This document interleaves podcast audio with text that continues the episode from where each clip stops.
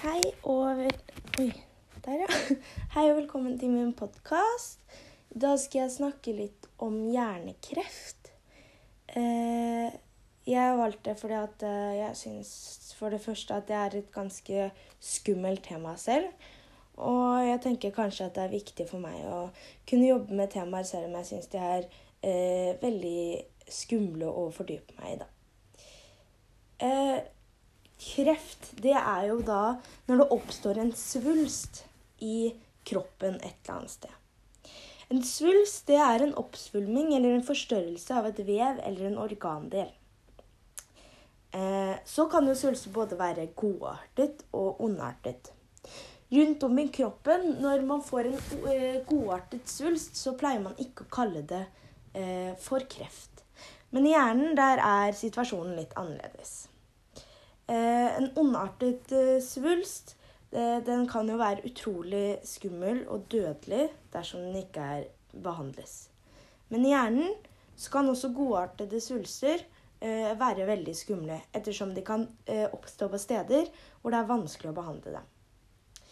I lillehjernen, som jeg har tenkt å fordype meg litt ekstra i, eh, der eh, kan det forekomme eh, supratentorielle astrocytomer eh, eller ependynomer.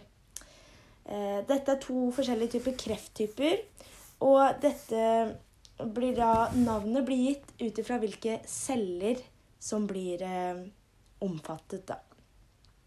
Årsaken til hjernesvulst Hjernesvulst og kreft, og kreft i hjernen er jo så å si det samme, så jeg bruker hjernesvulst og hjernekreft litt om hverandre.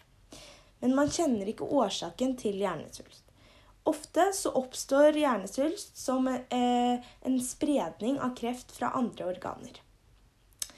Men så fins det også primære hjernesvulster. Dette er de som har fått hjernesvulst uten å ha kreft eller en svulst noe annet sted i kroppen. Her er det vanskelig å vite hva årsaken er. Studier viser at noen kan ha arvelig disposisjon for hjernesvulst. Men dette er meget sjeldent og gjelder bare 4% av de rammede. Så hva kan være andre årsaker? Det er også forsket på at i tillegg til arvelig disposisjon eh, kan at eh, svulsten kan være forbundet til utvikling eh, Nei, til ioniserende stråling. Ioniserende stråling det er f.eks. CT-skanning eller røntgen. Um, og i tillegg så uh, For å forebygge uh, hjernesvulst så uh, gjelder en, en sunn livsstil. Symptomer på hjernesvulst eller hjernekreft kan være veldig forskjellige fra person til person. Det er fordi at hjernen er jo kontrollsenteret til kroppen. Og det er herifra, eller fra hjernen, da, hvor de fleste eh, funksjoner i kroppen styres. Derfor er eh, symptomene veldig forskjellige ut ifra hvor i hjernen svulsten ligger, hvordan type svulst det er, om svulsten er stor eller liten. Eh, men likevel så fins det jo noen fellestrekk. Mange opplever ofte en sånn ekstrem hodepine, sånn, et sånn trykk i hjernen. Dette kan være pga. svulsten, og at den f.eks. skaper trykk. Dette kan forårsake f.eks. For kvalme og brekninger og sånt. I tillegg så kan svulsten forårsake epileptiske anfall. Man kan føle på svimmelhet, eh, kjenne på balanseproblemer, syns- og taleforstyrrelser. Og mange kan også kjenne på dette med hormonforstyrrelser, og f.eks. at det påvirker seksualitet. I tillegg er det mange som f.eks. får nedsatt kognitiv funksjon og da opplever kognitive vansker, som f.eks. lærevansker, vanskeligheter med å huske og forstå, eh, og noen ganger også vanskeligheter med f.eks. kunne planlegge. For å utrede for eh, hjernesvulst og hjernekreft så brukes mange forskjellige metoder. Eh, I de aller, aller fleste tilfeller så brukes klinisk nevrologisk undersøkelse. Denne undersøkelsen brukes til å kartlegge hvor i sentralnervesystemet svulsten ligger. Ehm, det skjer ved at man sjekker f.eks. pasientens sanser, eh, følsomhet f.eks. ved å teste med temperatur eh, og lignende. Ehm, og man sjekker f.eks. pupillreflekser.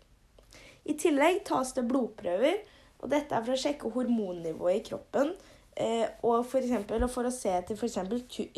Noen, noen typer tumormarkører. Tumormarkør det er et antigen eh, som kan oppstå dersom man har en type kreft. F.eks. ved prostatakreft er dette veldig vanlig. I tillegg så kan det bli tatt MR.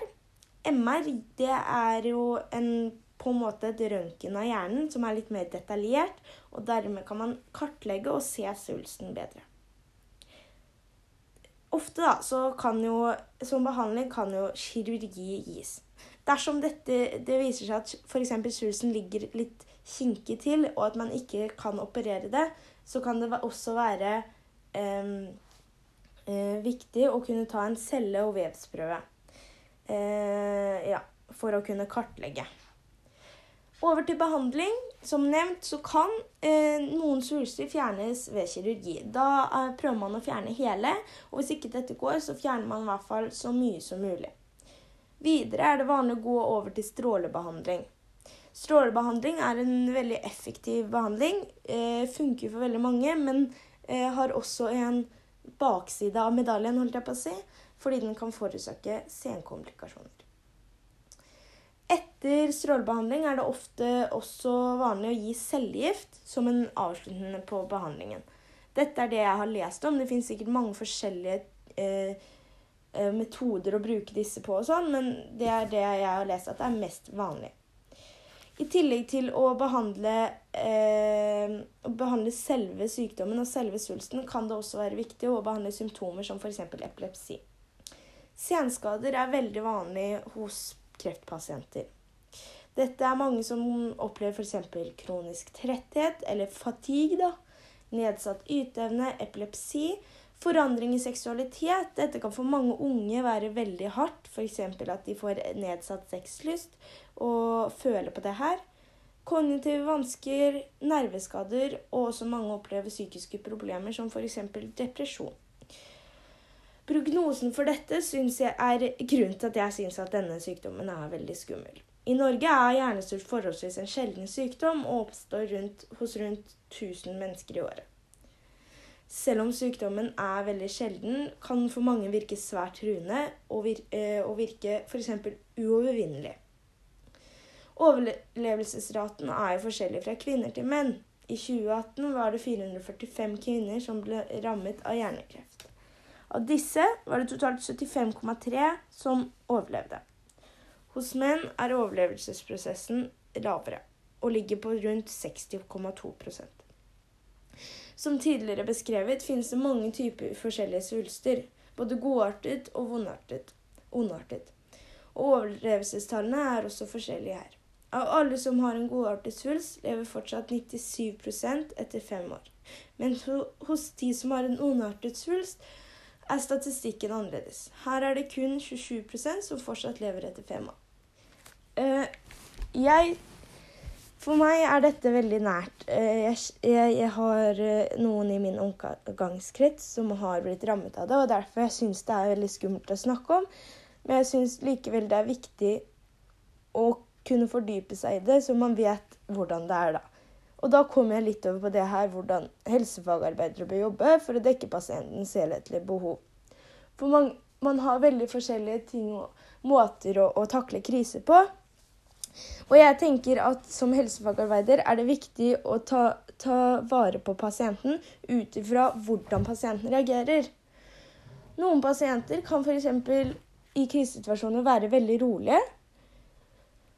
Eh, og da er det f.eks. viktig å ta vare på familien rundt, sånn at ikke den familien f.eks. stresser opp pasienten og gjør pasienten mer redd enn det den allerede er. I tillegg vil det jo være viktig å snakke om dette, sånn at eh, pasienten og pårørende har masse god informasjon om sykdommen.